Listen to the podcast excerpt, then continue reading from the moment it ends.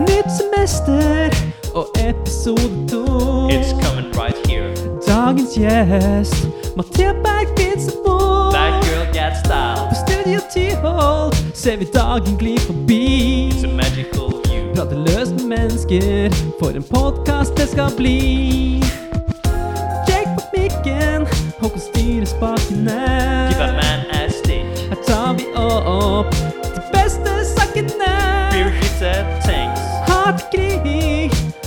og vi elsker Israel and. Palestine. Typisk Induc, forandringer til å skje. Du hører på Typisk Induc med Jakob og Håkon. Hei sann og hopp sann og vips, så var Indeksturen 2021 avlyst. Det var med tungt hjerte at Andreas Brynildsen, leder av 5. klasses Indekstur, denne uka meddelte at planene om klassetur skrinlegges for godt. Andreas og styret har kriga og slåss siden den dagen vi valgte Seoul som destinasjon våren 2018, og de fortjener vår fulle hyllest for sin eminente innsats. Det blir altså ikke noe tur, dessverre. Håkon, hva tenker du om denne avgjørelsen? Jeg har meldt meg på Indeks 2022, jeg. Så jeg tar det ikke så tungt, og det anbefaler jeg også andre å gjøre. Blir en flott klassetur. Du Men- blir altså med dagens fjerdeklasse på tur? Jeg gjør rett og slett det. Men jeg er jo også ekstremt skuffa. Jeg hadde veldig lyst til å dra til uh, Sør-Korea. Men jeg har lyst til å gi all honnør til de som har jobbet med dette så lenge. Dette er jo det lengste vervet i Induc-historien. I hele tre år har de sittet og jobba med hva som skjer, og til slutt endte det dessverre med ingenting. Det er altså lengre enn Marte Bolstads KTV-verv, og det er jo imponerende i seg selv, så jeg vil bare takke hele Indeks-styret med Andreas i spissen. Mitt navn er Jake, og min aller største drøm er å naile kickflip på rullebrett. Håkon, mitt nærmeste livsvitne, er du en kicker eller en flipper? Du, det tror jeg rett og slett blir litt for privat for at jeg kan svare på. Vi har jo snakka om det tidligere, at jeg ikke vil ta opp det i poden. Ja, det skal være personlig, men ikke privat. Ja. Så det må jeg bare beklage. Men ellers, Jakob, har det skjedd noe siden sist? Joe Biden har blitt president, Pfizer har lansert koronavaksine, og Kiwi har senka prisene på grønt og frukt. Nei da, nei da. Ja, det som har skjedd siden sist, er at jeg har brukt en del tid på å planlegge innflytting i Oslo. Eh, Så nå etterpå så skal jeg fly ned til Oslo for å ta over en leilighet. En samfunnskritisk oppgave. What? Så det er jo helt eh, rått. Den skal møbleres før det flytter inn et par der, som skal leie fram til august, når jeg selv flytter inn og starter på Oslo-livet. Dette eventyret som eh, starter når Induk-tilværelsen en gang tar slutt. Hvor i Oslo bor du? Jeg bor på Storo, mellom Storo og Sinsen. Ja, en nybygg. I nybygga. Så det blir helt uh, konge. Var lur og kjøpte allerede i 2019. Så den leiligheten har jo steget med flere hundre tusen, mens jeg ikke har gjort annet enn å sitte på rumpa. Ellers så har jeg studert litt statistikk siden sist, Håkon, for jeg har fått tilgang til uh, dashbordet til Typisk Indek på plattformen Spotify for Podcasters. Spotify for Podcasters. Ja, nettopp. Spotify for Podcasters. Og de, eh, de har samla litt data til oss, og jeg kan jo maskinlæring, så jeg har jo kverna litt av denne dataen til en analyse. Så jeg tenkte bare å ta en eh, titt. Nå kan vi lære våre lyttere å kjenne rent analytisk. Jeg gleder meg. Tror du det er flere gutter eller jenter som hører på denne podkasten? Jeg tror det er gutter. Det er flest gutter på Indøk. Ja, og det er 57% av våre lyttere er gutter, men det er lavere enn gutteandelen på Induc. Så det er jo kult at vi også når spesielt ut til jentene der ute. Det er helt rått. Håkon, hvordan tror du det er med aldersgrupper? Hvor gamle er våre lyttere? Ja, det er jo lett å tenke at de er i alderen sånn 18 til 30. Vår største lyttergruppe befinner seg i alderen mellom 18 og 22. Der er halvparten av våre lyttere fra, og så følger 23 og 27. Men det som er mest spennende, er at hver tiende lytter er i aldersgruppa 45 til 59. Yes! Så vi når altså ut til foreldregenerasjonen eller eh, professorgenerasjonen. At instituttarbeidere hører på oss, det hadde vært stort. I tillegg så gir Spotify oss tilgang til hvilke artister våre lyttere hører mest på. Og har du lyst til å gjette én artist som du tror eh, lyttes til blant våre lyttere? Ariane Grande. Hun er ikke der. Ariane Grande er ikke blant de fem. Dagny. Dagny er heller ikke der. Men Dagny er fryktelig pen. Det lærte jeg nå nylig. Og en god artist, ikke minst. Sigrid. Sigrid er heller ikke der. De som derimot er der, er Karpe, Coldplay, Kanye West, Rihanna og Avicii. Det er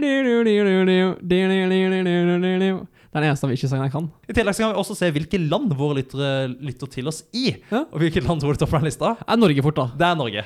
Finnes det andre land på lista? Det finnes andre land. Så jeg kan jo si nummer to og tre. Det er Nederland og USA. Vi har altså kommet oss til kontinentet. Vi har booma i Nederland. Jøss. 20 litt. Men da må vi bare gi en hilsen til alle våre nederlandske lyttere. Velkommen anan onze nederlandse loistras. Nettopp. Vi ser dere, og vi heier på dere. Håper dere ikke går under vann med det første. Det var litt eh, fra meg. Håkon, har det skjedd noe med deg siden sist?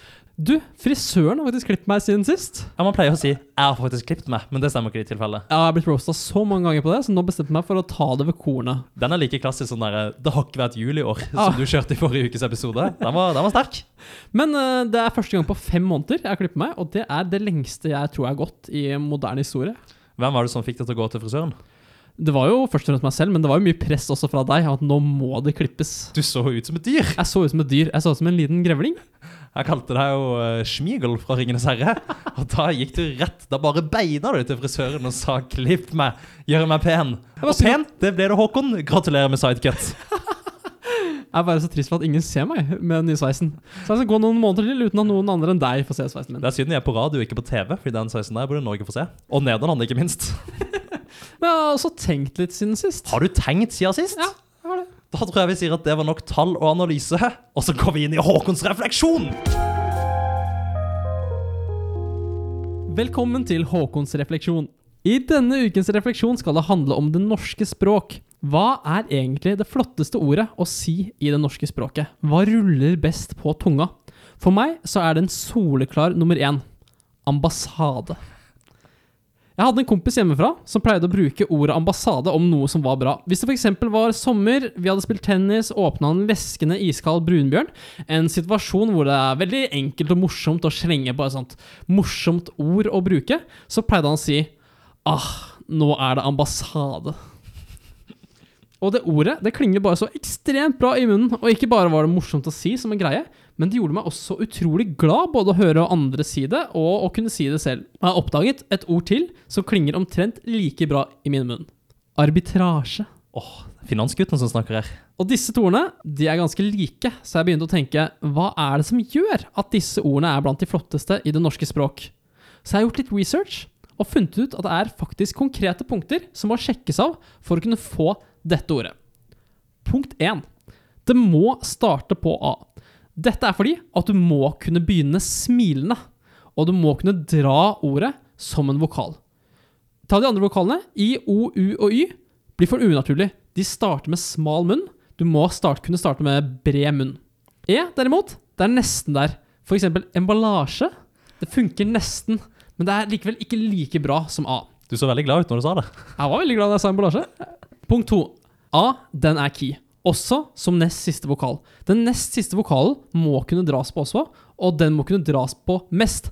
Ambassade. Ambulanse. Det funker ikke, hører du det? Fordi ambulanse, det sies ikke slik ordet egentlig skal sies, mens ambassade, så mister ikke ordet meningen. Og det er også et viktig poeng. Punkt tre, ordet kan ikke miste sin mening. Punkt fire, den siste bokstaven skal være en E. Ambassad. Hvis du har ikke har en der, det blir for lite substans til A-en som vi allerede nevnte i punkt 2. E-en er for å få en litt mindre brå stopp. Pluss at de fleste sånne langord de slutter jo også på E. Punkt nummer fem. Det skal være fire vokaler totalt. Anklage, for eksempel, matcher jo mange av punktene allerede nevnt, men det funker ikke. Ansattavtale. Altfor langt. Så ja, herregud, dere hører at jeg går feil. Fryktelig kjedelig ord. Fryktelig kjedelig ord. Så da, med disse reglene på plass, presenterer jeg de ordene i det norske språk som tilfredsstiller disse kravene. Ambassade. Arbitrasje. Amylase. Apanasje. Affetasje. Og det som også tilfredsstiller, adekvate. Men det er så vidt. Det er alle eller de ordene der? Det er alle ordene. Ja. Det er rett og slett ikke flere. Jeg har sjekket opp alle norske ord, og det er det eneste som er kvalifiserte til å kunne være det beste ordet i det norske språket. Har du lest Norsk ordbok siden sist? Har jeg gjort det, faktisk. Her er det også mange vanskelige ord, da, så det er vanskelig å få brukt alle i en god setting. Amylase er jo et enzym i bukspyttkjertelen. Det er ikke helt lett å vite hvilken setting jeg skal bruke det ordet i. Det er krevende å få det inn. Men det er bare å ta det i bruk, og bruke de om alt som er bra. Ordlyden, det forklarer alt. Åh, Det var en meget pen Håkons refleksjon. Skal vi snakke litt om dagens gjest? Håkon, Absolutt. Vi får besøk av Mathea Berg Vindsetmo i andre klasse. kanskje mest kjent for at hun holdt herrenes tale på Imballet 2019? Hun har det både i kjeften og i fingrene, for vi har hørt at hun er helt ambassade til å progge. Hvis hun er helt Amalyse til å progge, da sier vi bare if true, send in today's guest. Da har vår eminente gjest kommet inn i studio. Og Jakob, kan ikke du bare ta introduksjonen med en gang? Og denne uken her skal du få litt musikk av meg. Ah, takk for det, kompis. Bjørn Borg, mannen bak de tusen underbukser, er ofte omtalt som verdens beste tennisspiller gjennom tidene. Svensken kara seg til 11 Grand Slam-trofeer i løpet av sin karriere, før han la opp i 1993. Det mange ikke vet, er at Bjørn Borg, på linje med Petter Northug, slet personlig etter karrierens slutt. For å skygge unna svenske medier flytta Bjørn Borg til Norge på 90-tallet, og bytta deretter navn for å gli inn i mengden. Bjørn Borg ble til Bjarne Berg, og sammen med Tove Vindsetmo fødte de datteren Mathea Berg på St. Olavs hospital 29.9.1998. Den lille trøndertulla sjarmerte både jordmødre, lærere og kateketer på sin vei, før hun ble uteksaminert fra Strinda VGS iført blodrød russedress og kritthvit bandana, merka med Kompis 2017. Og venner og bekjente beskriver ofte Mathea som den perfekte kompis. Fremmede beskriver henne ofte som kompisen de aldri fikk.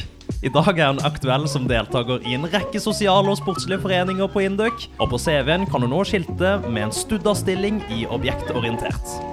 Fra tennisbabe på utenlandsferier til proggenerd med kompetanse på algoritmer og tidsserier. Velkommen til Studio Tyholt, Mathea Berg.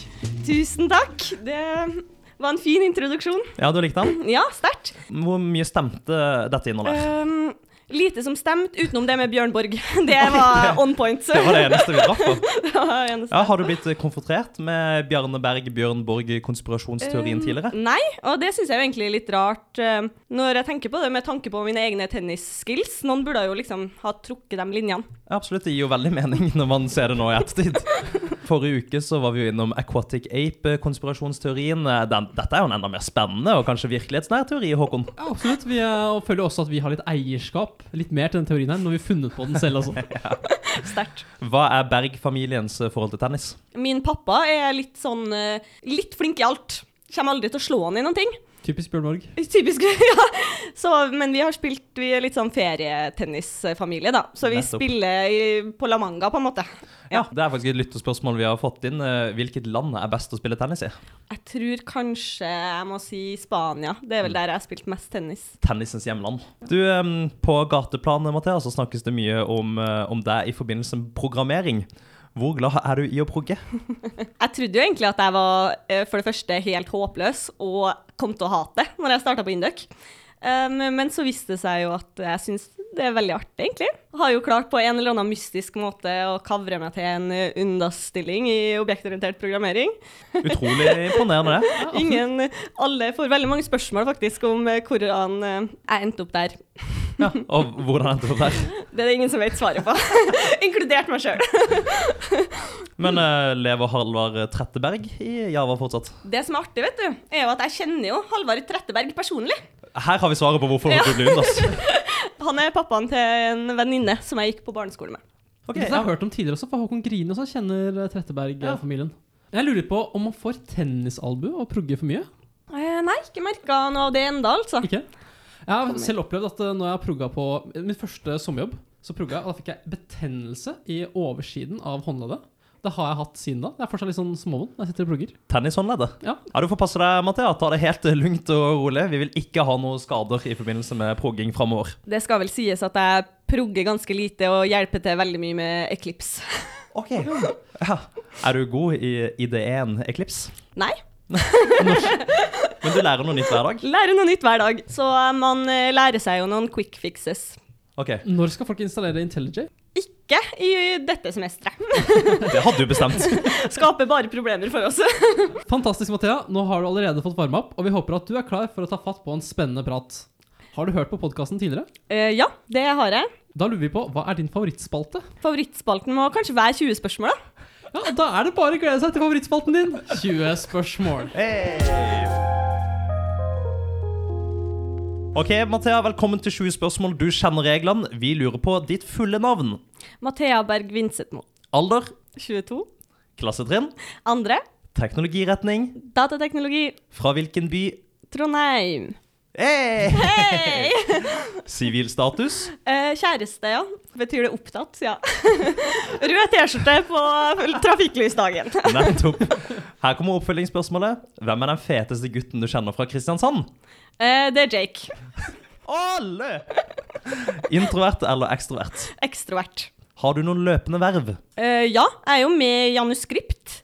Men ellers så har jeg, har jeg egentlig holdt meg litt unna verv, altså. Kan man regne Janus FKFK som et verv? Eh, nei, det er hobby. Det er hobby. Nettopp. Så deilig. Har du en jobb ved siden av studiet? Eh, ja, det har jeg. Jeg jobber på en bolig for funksjonshemma. Og så ja, jeg er jo UNNAS, da. Heter du funksjonshemma eller funksjonsnedsatt? Har man lov til å si? Usikkert. I Trondheim så bryr man seg ikke så mye om sånne, Vi- sånne definisjoner. Vi er ikke så politisk korrekt i Trøndelag. Da du var liten, hva ønsket du å bli når du ble stor? Jeg tror faktisk mamma og pappa sa at det første jeg hadde lyst til å bli, var gatemusikant. Her dukker det opp altså så mye rart. Alt fra sauebonde til vaskedame til gatemusikant. Ja. Er du Hvorfor gatemusikant foran eh, vanlig musikant? Jeg tror at jeg var litt uh, sjalu på at de kunne sitte på gata og få penger av fremmede folk. Ja, det er klart Når du er fire-fem år, så ser det helt rått ut Ja. å samle inn enkroninger og sjukroninger. Eh. Ja, Med tanke på at du får sånn ti spenn i ukelønn til å handle godteri, så føles det som verdens beste jobb å sitte Ja. der og samle inn alle myntene i verden. Og Mathea ville ikke stå på store scener og ha stort publikum, og ville jobbe litt i det små, som gatemusikant. Jeg hadde litt selvinnsikt, så jeg innså at dit kunne jeg på en måte ikke komme. da. Nei, fordi du er ikke et musikalsk geni. Jeg er ikke et musikalsk noe som helst. Men du er en entertainer, og det funker på gata. det funker på gata. Hva hadde du studert om Indek ikke fantes? Kanskje noen ting med hjernen, kanskje noe nevro, et eller annet. Kanskje noe nevro, et eller annet. Mm. Rått. Topp to hobbyer?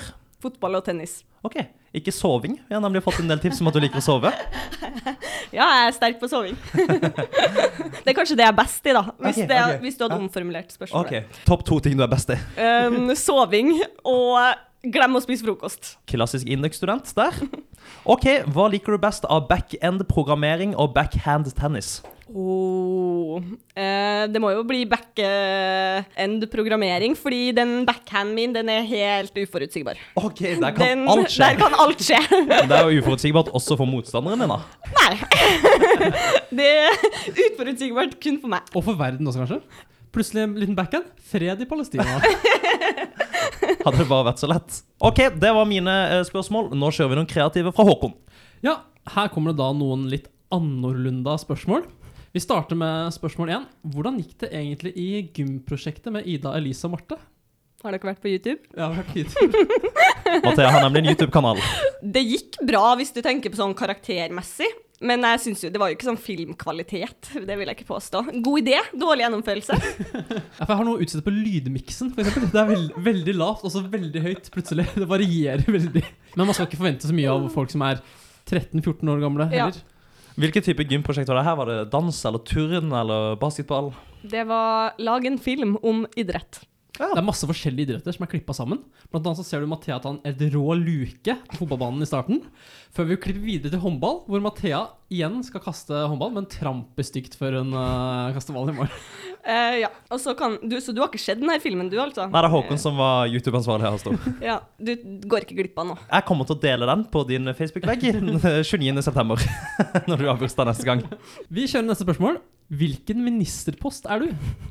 Da vil jeg si at jeg er helse- og velferdsminister. Ja. Ja. Vi trenger ingen forklaring. Vi går videre til spørsmål tre. Jeg ville jo tenkt at etter alt det du har gjort i Israel- og Palestina-konflikten, så skulle du vært utenriksminister. Helt enig, men eh, i tillegg så har jeg tatt en bachelor i hjemmekarantene i jula, så eh, erfaring under eh, helse og velferd også. Ok. Og så tror jeg at du snart ringer de og vil ha deg på justisministerposten, for nå er det snart ikke flere igjen som kan ta den. Snart kommer de til Mathea Berg. Du er jo neste.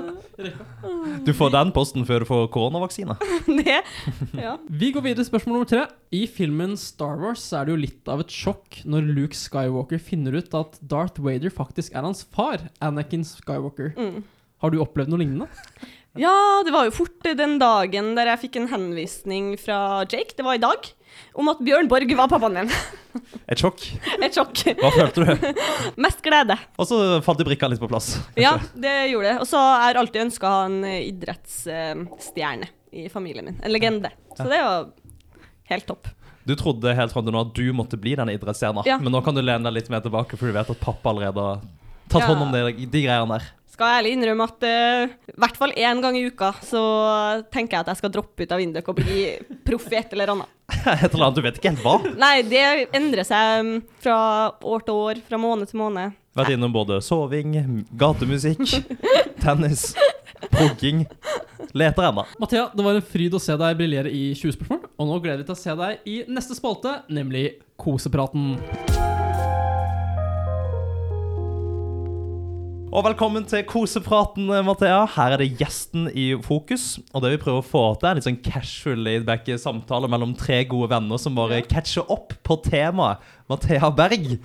Eh, Så kan ikke du bare oppdatere oss litt på hva du driver med for tida? For tida så driver jeg jo med ikke så mye spennende som kanskje når korona ikke finnes. Nei. Men eh, jobber litt, gjør litt skole, eh, henger med kollektivet. Kan du ikke fortelle litt om kollektivet? Det blir jo din indre kohort. Min indre kohort, ja, det er jo Andrea Omdal, som er lillesøstera i kollektivet. Hun er jo eh, tross alt to år yngre enn oss andre, og eh, vi driver på med en slags oppdragelse der, da. Så det er det Karoline Refseth, som er kanskje enda mer mor enn meg, da. Jeg er kanskje litt mer pappa, faktisk, når jeg tenker meg om. Så utrolig hyggelig at dere har sånne er liten familieroller. familie. Ja, rett og slett. Jeg ville tenkt at eh, en, en lillesøster hun vil gjerne plage store søsken, og så svarer dere med banko. Er det sånn det funker? Cirka. Ja.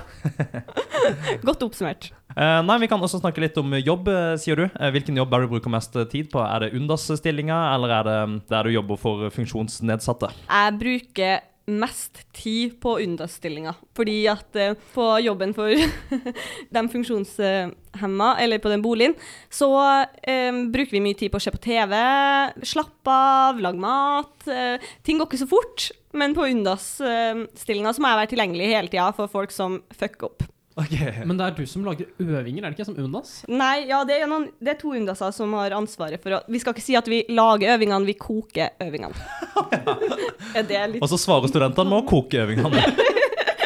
Men eh, la oss bare få klarhet til dette her. Hva betyr Undas, og hvor, eh, hva er Undasens eh, ansvar? En undas er jo en eh, undervisningsassistent, da. Vi liker å se på oss sjøl som hakket over studdassene, selv om det er dem som gjør grovarbeidet.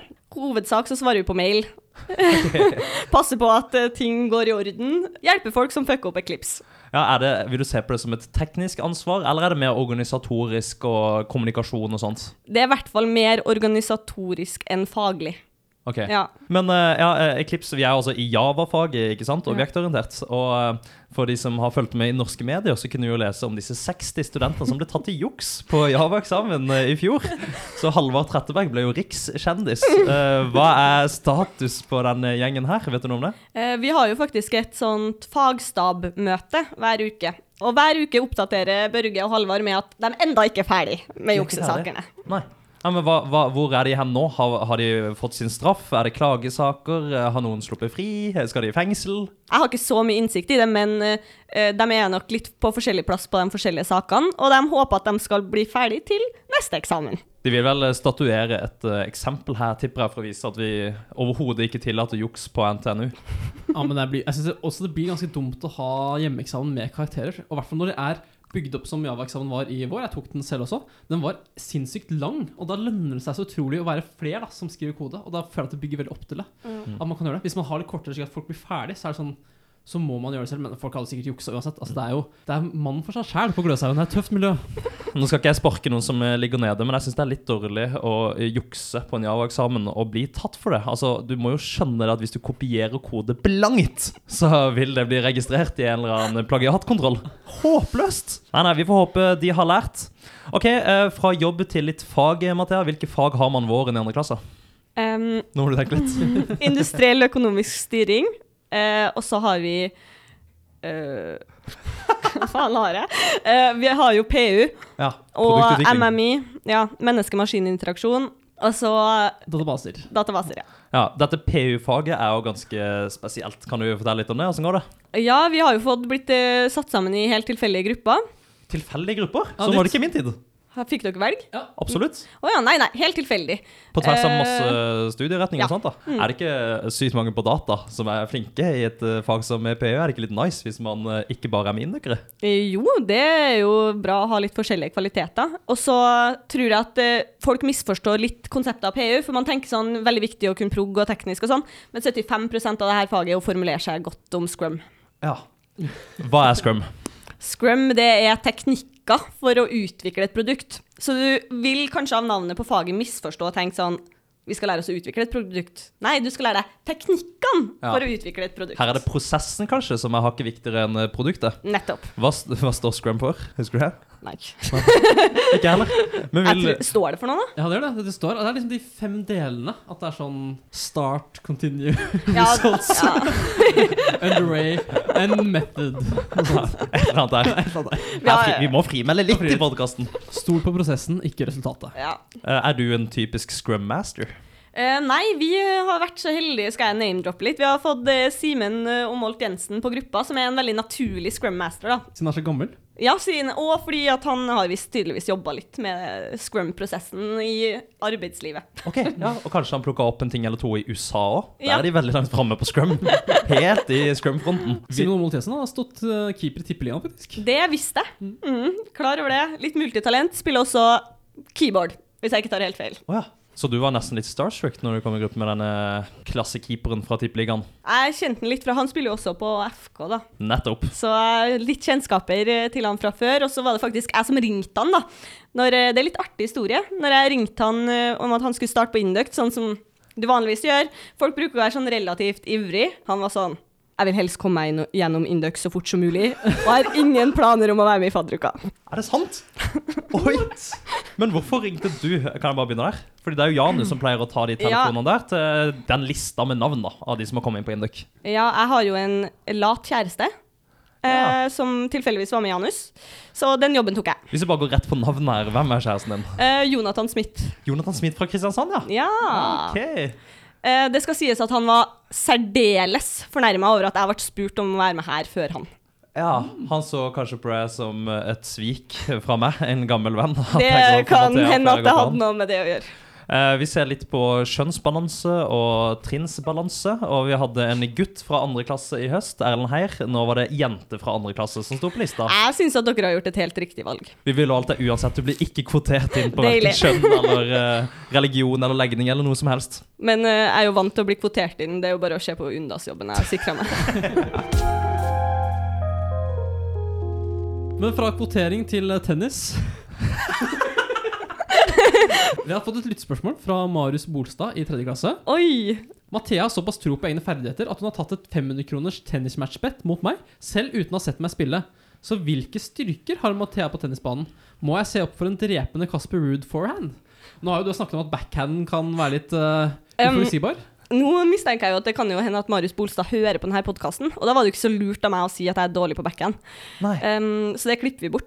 Det, det forsvinner. Ja, deilig. Det er et eller annet med meg, eh, pluss eh, alkohol, Oi. eh, som er lik veddemål. Litt historiekjeft da, Ja. på. Generelt ganske glad i å vedde, og får generelt ganske trua på egne ferdigheter. da. Vi var på en eh, treretters middag til Marius Bolstad. Hei. Kokk eh, sto for all maten, laga hummer og indrefilet og For en mann! Ja ja, det var oppvarting på høyeste nivå. For Han, andre han håpte at det var disse detaljene her du skulle gå inn i. Ja, han det, det det tror jeg òg. så ja, han er singel, eh, bare damer. Ja. Stor kasse. Ja, ja. De er med han.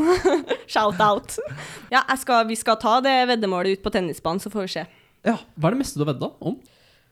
I kroner, liksom. Kanskje en tusenlapp, da. Men eh, jeg vil kanskje kalle det ikke et veddemål engang, fordi at jeg hadde så lite sjanse til å vinne igjen de her pengene. Men når jeg var 18 år, så betalte jeg 5000 kroner for å være med på poker-NM. Du gjorde det? Du betalte deg på poker-NM? Ja, Åssen gikk det? dårlig. Eller som jeg liker å si, det gikk bra helt til det gikk dårlig. Ja, det er ofte sånn det går. Det er sånn det er i poker. Ja. hvor langt kom du? Fikk du en plassering? Si at det var 1200 med, da, og jeg røyk ut som sånn eh, nummer 800 og et eller annet.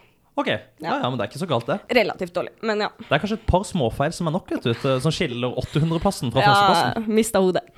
Har du pokerface, Mathea? Ja, eh, men jeg tar taktikken av å smile og spille dum. i stedet, da. Så under, blir undervurdert. Mm. Men så er ikke det den beste taktikken når du faktisk ikke kan spille sånt. Nei, når du, ikke, når du ikke vet hva som teller mest av flush-ons rate. Ja, riktig. Men er det folk som er med i pokeren som knapt kan spille? Er det mange Det er meg. Eh, Nei da. Eh, ja, det er nok en del som hvert, kanskje har spilt litt på sånn Hva heter det? Sånn Texas uh, Ja, Texasholdom.com? Uh, Ja, eller sånn app, liksom, der du spiller mot noe random. Sånn tenker jeg. Nå kjører vi, liksom. Ja, da er det på tide at jeg- jeg prøver meg mot de beste. Ja, for det er jo bare å kjøpe seg inn. Det er bare å kjøpe seg inn. Jeg bruker jo å fortelle det her som en litt sånn selvskryt. Uh, Og utelukke den delen hvor jeg ikke har kvalifisert meg, men bare liksom Ja, punga ut. Ja, og også fett å sagt at du har vært med i et NM. Jeg har Nettopp. aldri vært med i et NM i noe Nei. som helst. Det er den vinklinga jeg egentlig kjører, da, men eh, Ja. jeg lovte meg sjøl å være ærlig da når jeg kom hit. Ok. Ja, vi vi syns du fremstår veldig ærlig eh, til nå. Du, Vi var innom eh, tennis her. Jeg kjenner jo deg fra Indøk sitt tennismesterskap fra våren 2020. Ja, det var svakt. Kan du fortelle litt om åssen det gikk? Det gikk dårlig med meg, men det gikk enda dårligere med deg, hvis jeg husker riktig. La oss holde oss på deg, Mathea. Du Det- er gjesten her. Det her var, det er faktisk en av eh, mine beste tennisminner fra Induc Tennis, den turneringa. Og det ekstra gøy var jo når Jake da var fornærma over at han har blitt putta ned i nybegynnerklassen. Ja. Og så ryker han ut i første runde. Ja, jeg kan jo egentlig bare ta den. Eh, Jeg snakka litt med Ivar og Adrian Lillevann og de som eh, var ansvarlige for denne tennisturneringa, som sa sånn «Eh, Gutta må bli med på tennisturnering. Helt sånn casual, eh, uformelt. Jeg sånn, ja, jeg spilte jo litt tennis i Australia og anser meg selv som helt average i tennis. Bli med der. Man kunne melde seg inn i én av tre klasser. Jeg meldte meg inn i medium-klassen. da. Og så fikk jeg en melding fra Ivar dagen etter som skrev Hei, nå har jeg snakka litt med dine venner, og vi har kommet til enige om at du skal ned i nybegynnerklassen. Jeg tenkte sånn, å greit, eh, da skal jeg i hvert fall vinne den. Kommer på tennisturneringa, vinner første eh, kamp, taper neste. Det var jo bare tre stykker i min gruppe, så jeg kommer sist i den gruppa som avgjøres eh, bare fullstendig på målforskjell. da. Og du er jo i den andre nybegynnergruppa og blir vel nummer to der, som gjør at din plassering blir ganske mye høyere enn min. da. Så du knuste meg i den tennisturneringa, Mathea. Det er deilig. Kan vi bli ferdig med kosepraten nå, egentlig? Vi gir oss med kosepraten, og nå skal vi ta deg inn i Håkons Trønderbenk. Velkommen hit til Håkons trønderbenk. Dette er en ukentlig fast spalte hvor vi snakker om Trondheim, hvilke opplevelser det byr på, hvordan det er å komme fra byen, hvordan det er å bo her. Så Mathea, vennligst sett deg ned på benken min for å snakke litt om Trondheim. Har du noen patriotiske følelser til Trondheim som by? Ja, jeg har det. Jeg er veldig glad i Trondheim. Jeg liker stemninga med å vokse opp i Trondheim. Det er litt chillere, vi er litt mer direkte, folk blir ikke så butthurt. Ting, ting jeg setter pris på, da. Hvem er du sammenligner med da? Folk fra Østlandet? Eller For eksempel. fra-. Bare sånn. Kristiansand, Ja. Bergen Alle egentlig fra Trondheim og nordover er man, blir man mindre fornærma enn Ja. resten av landet. Ja, ja, men det kan godt hende at det går et skille ca. ved Brønnøysund, da, kanskje. Sør- og Nord-Norge. Hvor er du har vokst opp? Fram til jeg var syv år på Møllenberg, så er jeg jo egentlig fra gettoen. Um, Møllenberg er getto, Det er sånne ting man lærer først når man har en trondheimsjente på besøk. um, men resten av livet har jeg bodd på Tyholt Sinnsaker, i Skjøgge. Rett i nabolaget. Rett i nabolaget. Det er kanskje vi ser leiligheten din fra ditt gamle barndomshjem fra Studio Tyholt. Det er ikke umulig. Ser du det borte her? For lytterne så ser vi Mathea peker nå der ut vinduet og ser ned på skorsteinene på Tyholt gate 29. Er det det? Uh, Tyholtveien 64. Åh, Oh. 69. Det neste, det neste spørsmålet som står her, det lurer jeg på om kanskje ikke stemmer helt, men det er i hvert fall skrevet ned, og det er som følger. Trives du på Lerkendal studentby? Jeg tror jeg aldri har vært på Lerkendal studentby i mitt liv. Som jeg kan huske, i hvert fall. Alle i Trondheim har jo en venn på Lerkendal studentby. Er det her noe sånn at jeg har hooka med en eller annen fyr og glemt det, eller hva er det som skjer? Vi bare lurer på Vi tenkte at alle indere har et eller annet forhold til Lerkendal studentby. Selv bodde jeg der i to år. Håkon har vært der masse. Utrolig sånn klassisk sted å ha vors i fadderuka, fordi de stuene der egner seg ganske godt. Mm, Men det er Jakob som skrev det spørsmålet. Jeg trodde, han, jeg trodde det betydde at du bodde der. Jeg. Så jeg var sikker på at du bodde på Jeg, Lerkendal. jeg skrev spørsmålet Trives en- du på Lerkendal stadion? Å ja. Jeg skrev 'Trives du på Lerkendal?' Og så har Håkon lagt en straff i og misforstått spørsmålet.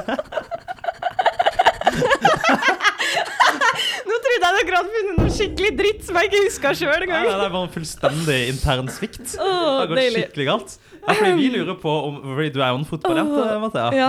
Og en proggjente og en tennisjente og alle disse Jeg er tingene. egentlig litt sånn alt mulig. Det var faktisk på videregående så fikk jeg for meg noe veldig rart. Har dere sett det programmet American Ninja Warrior? Ja, så vidt. Er det ikke litt sånn uh, wipeout? Uh, ja, bare litt mer sånn hinderløypa. Litt mer sånn okay. Du må være litt mer imponerende da enn på Ja. Wipeout for å være med. Men i hvert fall så det fikk jeg for meg det var livsmålet mitt. Det var det Å bli en American Ninja Warrior.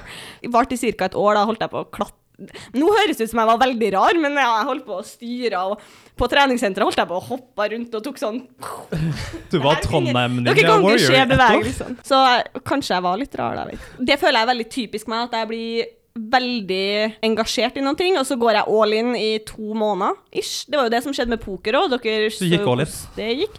Ja. eh, den er fin.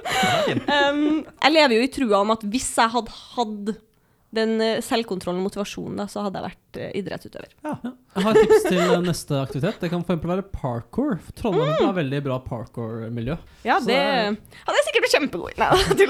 Hoppe fra tak til tak på Møllermrigg. Vi skal holde oss i Trondheim. Lever trønderfordommer, slik som skinnvest og karsk og hjemmebrent, fortsatt blant unge i Trondheim? Eller finnes det fortsatt egentlig i hele tatt? Det finnes, men eh, ikke i Trondheim by. Du må liksom en halvtime den veien, en halvtime Ja, den veien. Omegn. Ja, omegn. Der finner du karsken på fest, på en måte. En halvtime unna Trondheim. Hva heter disse stedene? Stjørdal, der har de nok karsk. eh, Det er jo flyplassen de fleste har vel et forhold til det. Ja. Og så har vi Herman Trondshaugen, han er jo fra Røros. Han vet jeg tok med seg karsk til fadderukene. Ok, dette er en indeksstudent? Det er en indøkstudent. Kanskje du kan finne det sånn Ja, melhus. Ja. Mm. Men møter dere fortsatt fordommene? Nei, jeg føler ikke at det møter, Kanskje folk sier det bak ryggen min, jeg vet Kan vi snakke litt om eh, dialekt? Fordi jeg har en del eh, trøndervenner som eh, snakker veldig bytrøndersk. Så bytrøndersk at det nesten ikke er trøndersk eh, lenger. Mm. Eh, hvordan vurderer du ditt eget uh, talemål, eh, Mathea? Føler man hører veldig godt at jeg er trøndersk, men eh, jeg snakker nok penere enn dem som er fra omegn. Vi får se hvordan det blir når jeg går ut av femte klasse. Jeg har hørt at man kan bli litt påvirka av å være i et så miljø med nesten ingen trøndere. Ja. Ah, De trønderne i klassen vår de har helt glemt at det er trøndere. Ja. ja. Denne går ut til Anders Danielsen og Marius Engen og Håkon Grini og den eh, gjengen der. Vær stolt av dialekta di. Men jeg tenkte vi skulle holde oss litt i skinnvest og altså gå videre til mote. Fordi det er en ting jeg har tenkt på siden jeg flytta hit i 2014. Jeg kødder ikke engang. Jeg har bodd eh, i Trondheim litt av og på siden 2014. Vært på utveksling, blant annet. Så la jeg merke til at mote i Oslo kommer gjerne litt senere til Trondheim. Gjerne ett år senere. Og vaffeljakka spesielt, for noe som hang igjen veldig lenge her, mens det forsvant andre steder. Er dette noe du har lagt merke til selv? Nå har jeg jo ikke bodd noen andre plasser enn i Trondheim, så for meg er jo det kanskje normalen, da. Men eh, det er helt sikkert riktig. Vi hang lenge igjen på Canada Goose, og jeg hadde Uggs helt til nylig. Det er innafor det, er det ikke? Ja, jeg er ikke noe, jeg er ikke Sånn et motepoliti. ish. Bruker du av praktiske grunner, eller fordi det er de peneste skoene du har? Fordi det føles ut som å gå med tøfler, Ja, og de er er veldig varme. Det er digg, ja. Vi tar det siste spørsmålet i eh, trønderbenken. Spalten går med sin slutt, og det er Hvem er den største trønderen noensinne i dine øyne? Bjarne Brøndbo. Og vi kjører E6. Hva er ditt forhold til Bjarne Brøndbo? Det er vel det det er, og liksom god stemning og bygdefester, og du tar på deg støvlene og ruta T-skjorte og bare blir full. Og da er det støvler og ikke Uggs. Da er det støvler. Eh, Opp til knærne. Har du sett de live? Eh, ja. Den største trønderen noensinne i mine øyne er Nils Arne Eggen. Ja, han er sterk. Ja, han er, han er helt oppe der. Jeg er helt enig. Det han har levert på Lerkendal, er helt rått. På Lerkendal studentby, tenker jeg på da. vi holder oss dit. Det var det vi hadde fra trønderbenken. Vi er ferdig her og skal inn i neste spalte, som er Induc-spalten. Vi kjører på videre. Mathea, velkommen til Indøk-spalten. Du er jo Indøk-student, og vi må snakke litt om eh, hvorfor du er her, og hvordan det går. Kan du ikke bare starte med å si hvorfor du valgte nettopp Indøk? Det er litt tilfeldig. Jeg slutta på videregående med sånn relativt eh, godt snitt av ren flaks. Eh, Så slutta jeg jo på videregående og ante ikke hva jeg ville med livet mitt. Så jeg hadde et basic white girl-år hvor jeg reiste Asia, sånn som man gjør når man ikke vet hva man vil med livet. Og så kom jeg tilbake, og så følte jeg vel at jeg måtte starte på noen ting. Var litt inn på tanken om medisin, fordi at jeg er veldig interessert i kroppen og biologi, og jeg syns det er spennende. Kroppen generelt, hjernen spesielt. Ja, jeg syns det er veldig spennende, men så innså jeg at jeg vil ikke bli lege. Jeg tror ikke jeg har nok eh, lyst til å hjelpe andre mennesker. Nei da. Men eh, jeg følte ikke at jobben som fulgt var helt for meg. Og så har mamma og pappa noen venner som har studert Induc, så da søkte jeg her.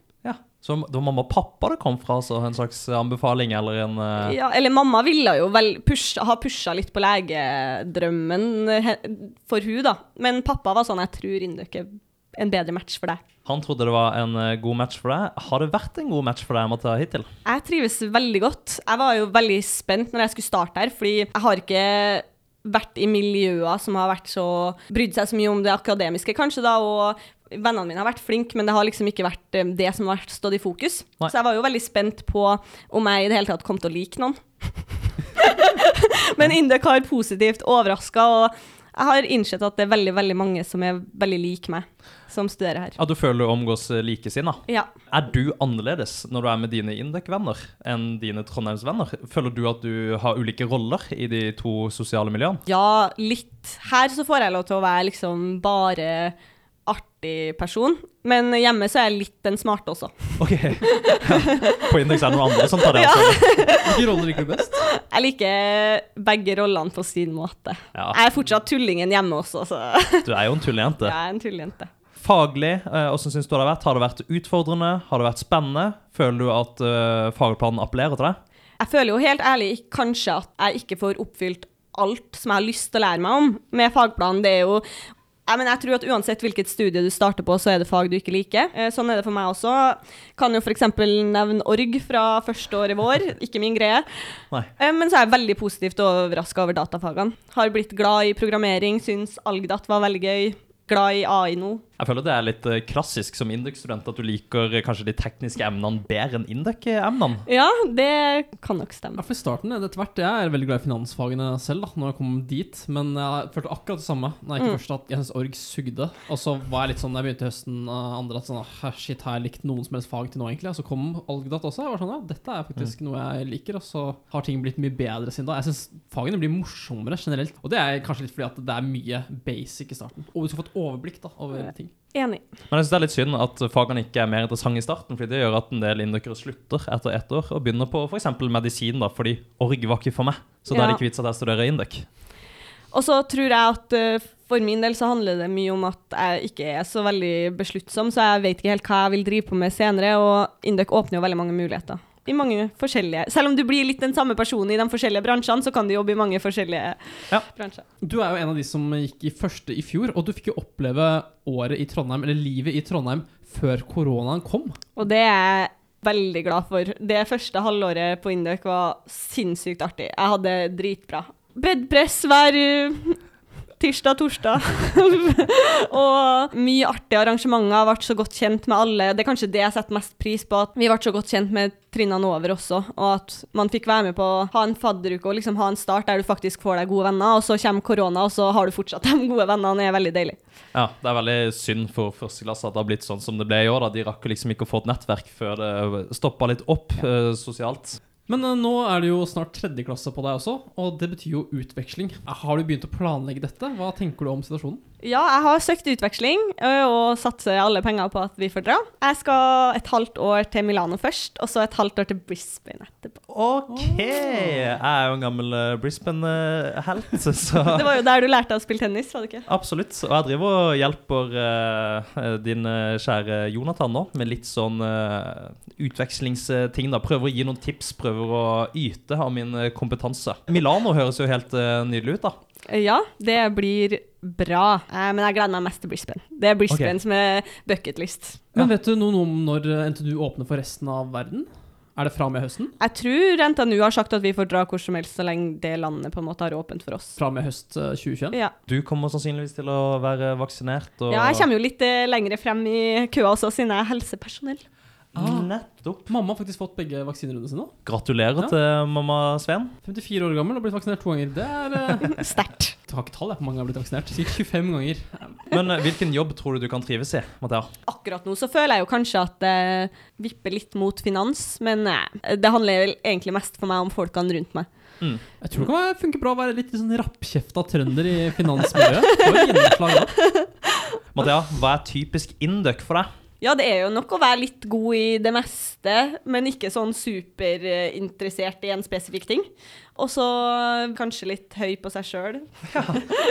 Er det ikke det litt typisk Induk? Og så er folk på Induk jævlig glad i å gå på tur. Har dere merka det? Det er helt sinnssykt. Det er helt sinnssykt. Den derre rando-trenden som har skjedd på Induc, den er Og det er noen friskuser hele gjengen, Ja, men det er jo sånn at de blir ekstra synlige. da. Du ser jo ikke eh, folk som meg og Håkon som bare sitter hjemme. Vi er ikke så, vi gjør ikke så mye ut av oss på Instagram om dagen. Så der føler jeg passer dårlig inn, da. Svært svak på langrennsski, f.eks.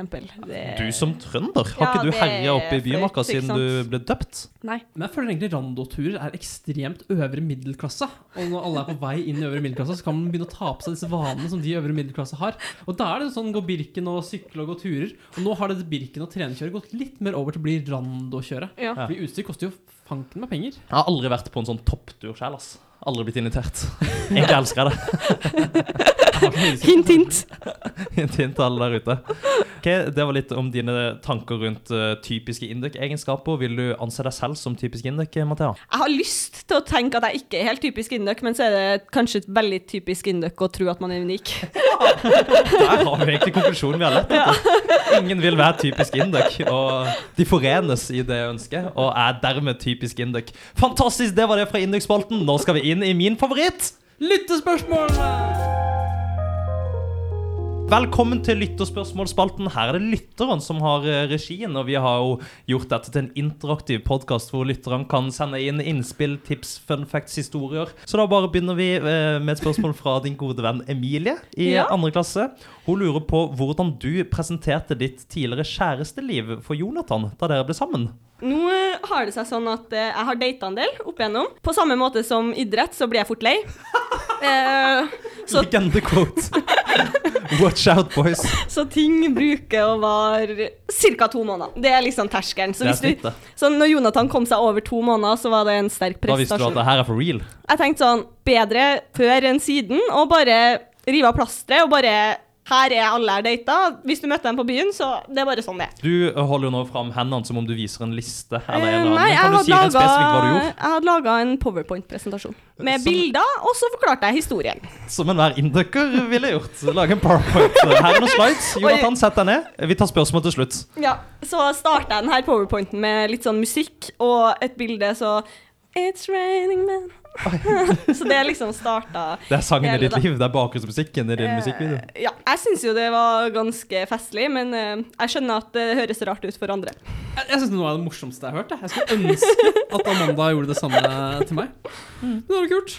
Ta brodden ved rota liksom og bare si Jonathan, sånn her er det. Du hører det fra meg, ikke fra noen andre. Ja. Var det med bilder og videoer og detaljer, eller bare liksom Det var bilder, bilder, ja. Bilder av liksom meg og dem. Sånn.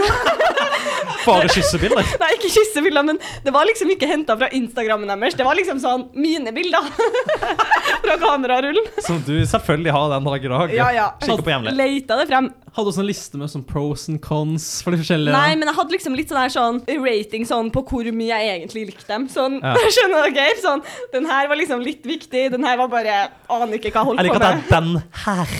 ja. Det er ikke han her, det er dette, dette objektet her. Var det også uh, reason for breakup? Altså grunnen til at du dumpa han? Sånn at du kunne advart Jonathan uh, litt med Ja, ja, det var, det var hele historien, da, liksom sånn. Ja. Helt ærlig så er det ikke så mye spennende. Det er liksom sånn så ble det, Han gjorde ingenting, han var snill, jeg ble lei.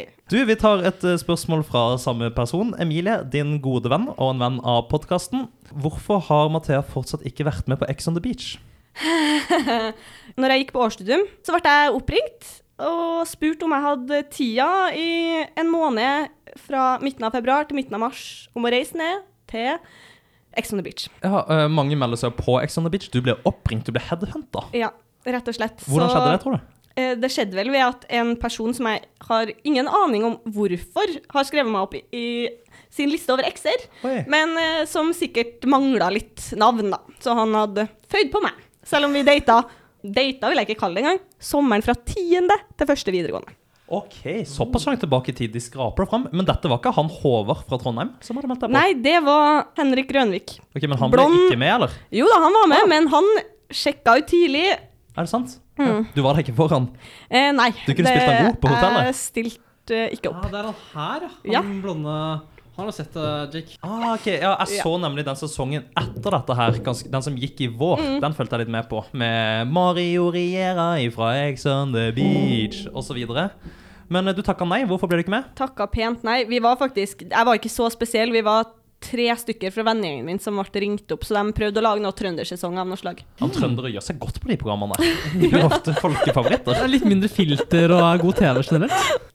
Men ja, det var litt artig. En kompis av meg hadde eh, fått også en sånn melding, da, DM på Instagram, men der hadde de begrunna det med at han var så kjekk. Oi. Så han levde liksom i trua på at uh, han ble oppringt pga. utseendet.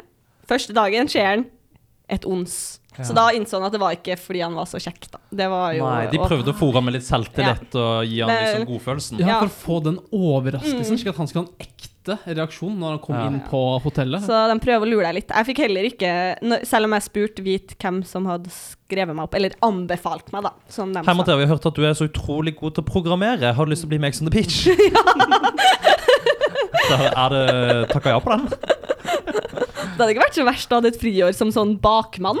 Oi! Det den er fin. Det Jeg vet at Rasmus Wold har gjort det i årevis siden han var ung. Han har bare vært med å regissere og liksom finne ut uh, uh, liksom, hvordan skal vi spille det spillet her for at det blir god TV. Og, og så er, er de jo litt med på festen, de òg, tror jeg. Så det kunne jeg jo for så vidt kanskje vurdert i større grad enn å være deltaker. da. Jeg hadde Ja. jo hatt absolutt ingenting å gjøre der. Ah, ikke si det. Jeg tror en indoker som deg kunne klart seg ganske bra der inne. At du kunne vært litt strategisk, eh, spilt spill, kanskje spilt jo... litt dum, litt som i poker-NM og Men, men nå har du misforstått hva Ex on the Beach er, for nå tenker du på Paradise Hotel. Men Ex on the Beach er ikke noe spill. Nei, det er bare om å gjøre å oppføre deg jævligst, sånn at paden ikke sender deg hjem. Ja, men paden padden og padden, det er noen som styrer. Du må, jeg tror, altså, Det er veldig lett å regissere det spillet der. Fordi de tenker jo hvem her skal på best TV? Hvem må vi sende hjem når noen begynner å bli deprimert og begynner å grine? Da sender vi de hjem. Da har ikke de noe her å gjøre. Så du må jo Jeg tror du hadde skjønt hva som eh, holder deg levende i spillet, Mathea. At du da kunne komme ganske langt. Vi har jo hatt indøker på 71 grader nord, eksempel. Jeg savner en indøker i en av disse kontroversielle reality-programmene. Og gjerne Ex on the Beach, er det ikke det som er det drøyeste? Ja. Kan, men kan ikke du ta den uh, oppgaven på Men Jeg får ikke strak arm? jeg får ikke noe DMs på Insta. Jeg fikk et nummer som jeg kunne ringe hvis jeg hadde noen anbefalinger. Å ja. Jeg har egentlig veldig? Jake for president! jeg har egentlig veldig lyst til å se noen indokere på Dagsrevyen. jeg. På Dagsrevyen. Ja. Jeg skulle gjerne sett en indøker på Farmen. Du har meldt deg på? Ja, og der kom det. Jeg har prøvd å melde meg på Farmen. Kom et par runder inn i intervjuene der. Du gjorde Men det, jeg hadde jo ulempen at jeg var i Australia under denne screening-prosessen, så jeg fikk ikke møtt de fysisk og gitt de det gode håndtrykket. Hadde du tatt deg et uh, friår fra Indøk for å være med på Farmen?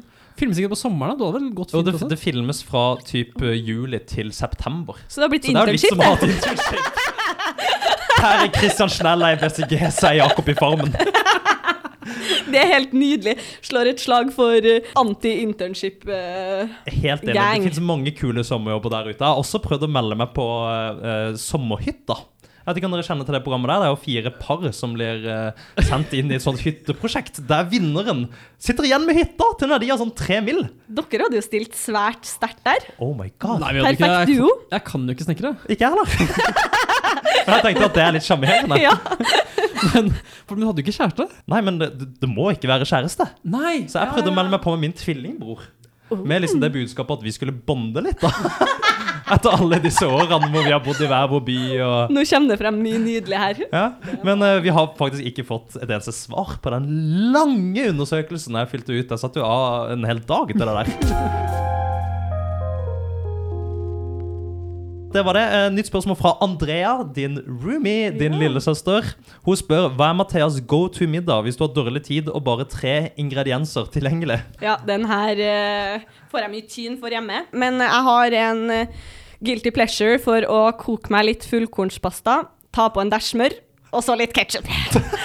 så er det fullkomment måltid, det, altså. Ja, Men det er i det minste fullkornspasta, da. Det Ja. er jo noe. Jeg måtte presisere det bare for å liksom Ja, dere Ja. skjønner. Men syns du det er godt, eller syns du bare det er praktisk og enkelt? Det er guilty pleasure. Jeg syns oppriktig det er godt. Hva er ratio mellom smør og ketsjup? Er det ca. like mye? Jeg er jo svært glad i smør. Ikke langt unna. Akkurat den linja der. tror jeg- Det er den første, du er den første som har sagt akkurat den linja tror jeg, i podkasten her. Jeg er svært glad i smør. Men jeg er også svært glad i smør. I går Ja. så hadde jeg smelta smør på fiskegratengen min. Men det støtter det. Jeg er veldig glad i husmannskost. Jakob han gremmes hver gang jeg lager noe sånt. Jeg sier at kostholdet til Håkon er så sykt lite sexy. Det oser 70- og 90-tallet. Men, Jeg blir helt flau. eh, da glir du rett inn sammen med min samboer Andrea, for hun lager seg tikroners fiskegrateng støtt og stadig. Er Dette første gang jeg har lagd fiskegrateng tror jeg, på mange år. Ja, men Du har lagd fiskeboller, og du koker poteter hver eneste dag. Og det er altså så usexy. Hva er ditt forhold til potet? Mathea? Like potet i alle former utenom kokt. Ja, nettopp. Her ser du, Håkon. Mm. Kokt potet er ut. Men jeg spiser uh, kokt potet fordi det minner meg om barndommen min. Min foreldregenerasjon de spiste jo bare norsk husmannskost, og de kommer jo fra Elverum, som er et sted hvor man egentlig ikke har hatt noe som helst av utenlandske, eller egentlig utenbyslige impulser. Så det, har, sushi kom jo ikke før sånn i 2016. Og taco husker jeg, at, jeg husker første gang vi spiste taco, var jeg sånn 15 år. Da var jeg sånn her, wow, hva er dette liksom? Dette er helt rått. Og vi hadde jo hatt liksom kjøttkaker og fiskeboller og fiskegrateng, fiskepudding, blodpølse. Vi har mye elg, og vi spiser uh, Men er det ikke godt? ja, det er dritdigg. Så det er sånn det er mye husmannskost. da Så jeg, noen ganger når jeg ikke har spist det på en stund, så får jeg sånn Åh, ah, nå har jeg lyst til å spise fiskeboller igjen. Så lager jeg fiskeboller hjemme. Jeg liker at du roasta Trondheim for at det tar ett år før eh, moten eh, kommer fra Oslo til Trondheim, men det tar 40 år før matmoter når Elverum. To timer unna Oslo. Ja, Dere er jo en liten sekt. Spørsmål fra Christian Schnell, din eh, trener i FKFK. Han spør hvordan tilværelsen Og er på laget. Og sjef i objektorientert programmering er sjef. Du er sjefen Christian. hans, Ja. så der har rollen snudd fra fotballaget. Ja. Hvordan er tilværelsen på eh, FKFK? Nå er det jo svært stusslig. Vi har ikke treninger, vi har ikke noen ting. Vi har ikke sett laget siden eh, julebordet. Men jeg hadde jo, det, det som er trist, er at jeg hadde jo et eh, mål for sesongen om å bli toppskårer. Den drømmen blir jo nå tatt fra meg av korona. Ja, det blir ikke noen kamper med det første. Men du er jo på en måte delt toppskårer likevel, da. Ja, siden at ingen har skåra! Godt poeng! Man må skrive ut 30 plakater. Gratulerer ja! med toppskårertittelen. Deilig. Med null mål. Det, den den Ja, det her ser vi løsninger. Eh, nei, men Jeg måtte jo spørre Christian Schnell eh, litt om eh, hva han syns om ditt bidrag på laget. Mm. Det er sånn vi liker å gjøre. Så hvis du bare lener deg tilbake nå, så kan jeg lese litt hva Christian Schnell hadde å si. Mathea eh, har kanskje ikke høyden som sitt sterkeste element på banen, men hun legger inn en upåklagelig innsats både på og utenfor feltet. Hun bærer preg av å ha spilt fotball i mange år, noe som er heller sjeldent på FKFK. Hun skal ha mest honnør likevel for at hun har det i kjeften, og legger ingenting imellom, verken til dommere eller motspillere. Hun er alltid en høydere på internfest, og har en stemme som bærer like godt i kamp som på fest. Hva tenker du når du hører sånne ord fra coach? Veldig eh, hyggelige ord. Frykta at det skulle bli tatt opp uh, oppmøte, f.eks., der jeg har vært litt svakere. Okay. Men ja, takk og bukke. Fine ord fra gode Snell. Ble du, ble du rørt og tårevåt, eller Ja, var det mer sånn OK? nesten rørt og tårevåt, ja. Ja, Gjestene våre pleier å bli det når vi leser opp sånne tilbakemeldinger. Syns han burde ha slengt inn en kommentar om fart. Eh, og så kanskje overraska over at han ikke um, hengte meg ut på at jeg også kjefter på trenerne. Oh, ja, så det smeller litt, Kristian og Martin egentlig òg? Smeller alle veier. Ja, hvordan takler Kristian Snell å ta imot kjeft? Han uh, takler det greit, han flirer av meg, og han er jo treneren, tross alt. Ja. Ja, han må lede bort, men han griner på innsida. Det har han sagt til meg. Men uh, vi skal holde oss litt mer i fotball. Hvordan klarte du deg i boblefotballcupen mellom Janus FK og FK FK i fjor?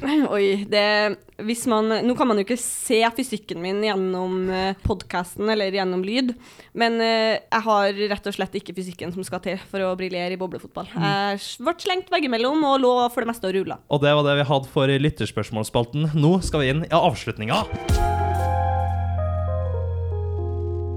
Velkommen til eh, avslutninga. Det går mot uh, slutten. Mathea, hvordan har det vært å være gjest her i Typisk Indøk? Uh, det har vært uh, helt sykt. Beste opplevelsen jeg har hatt i hele 2021. Føler meg veldig beæra over å ha vært her. Ja, så Da liker vi også å spørre gjestene om de har et siste budskap eller en siste tanke, eller om de har noe på hjertet før de nå vender ut av Studio Tyholt. Ja, jeg tenker rett og slett at jeg skal benytte muligheten til å takke noen folk som står meg veldig nær. okay. og som har betydd mye for meg opp gjennom eh, livet mitt. Da. Ja. Så da vil jeg takke bestefar, norsklæreren min på ungdomsskolen, Peter Mørk, fotballtreneren min, eh, Sigbjørn Strømsnes, som sier fine ting til meg uansett hvor dårlig jeg er, og min bedre halvdel, Jonathan Smith. Og da tror jeg vi sier at Jonathan Smith blir dagens siste ord fra dagens gjest. Mathea Berg, tusen takk for at du tok deg tida til en times prat her i studio. Tyholt, du har levert helt strålende, du har levert et toppkarakter, og lykke til videre i jakten på tennistrofeer. Håkon, vil du runde av? E6, den strakaste vei.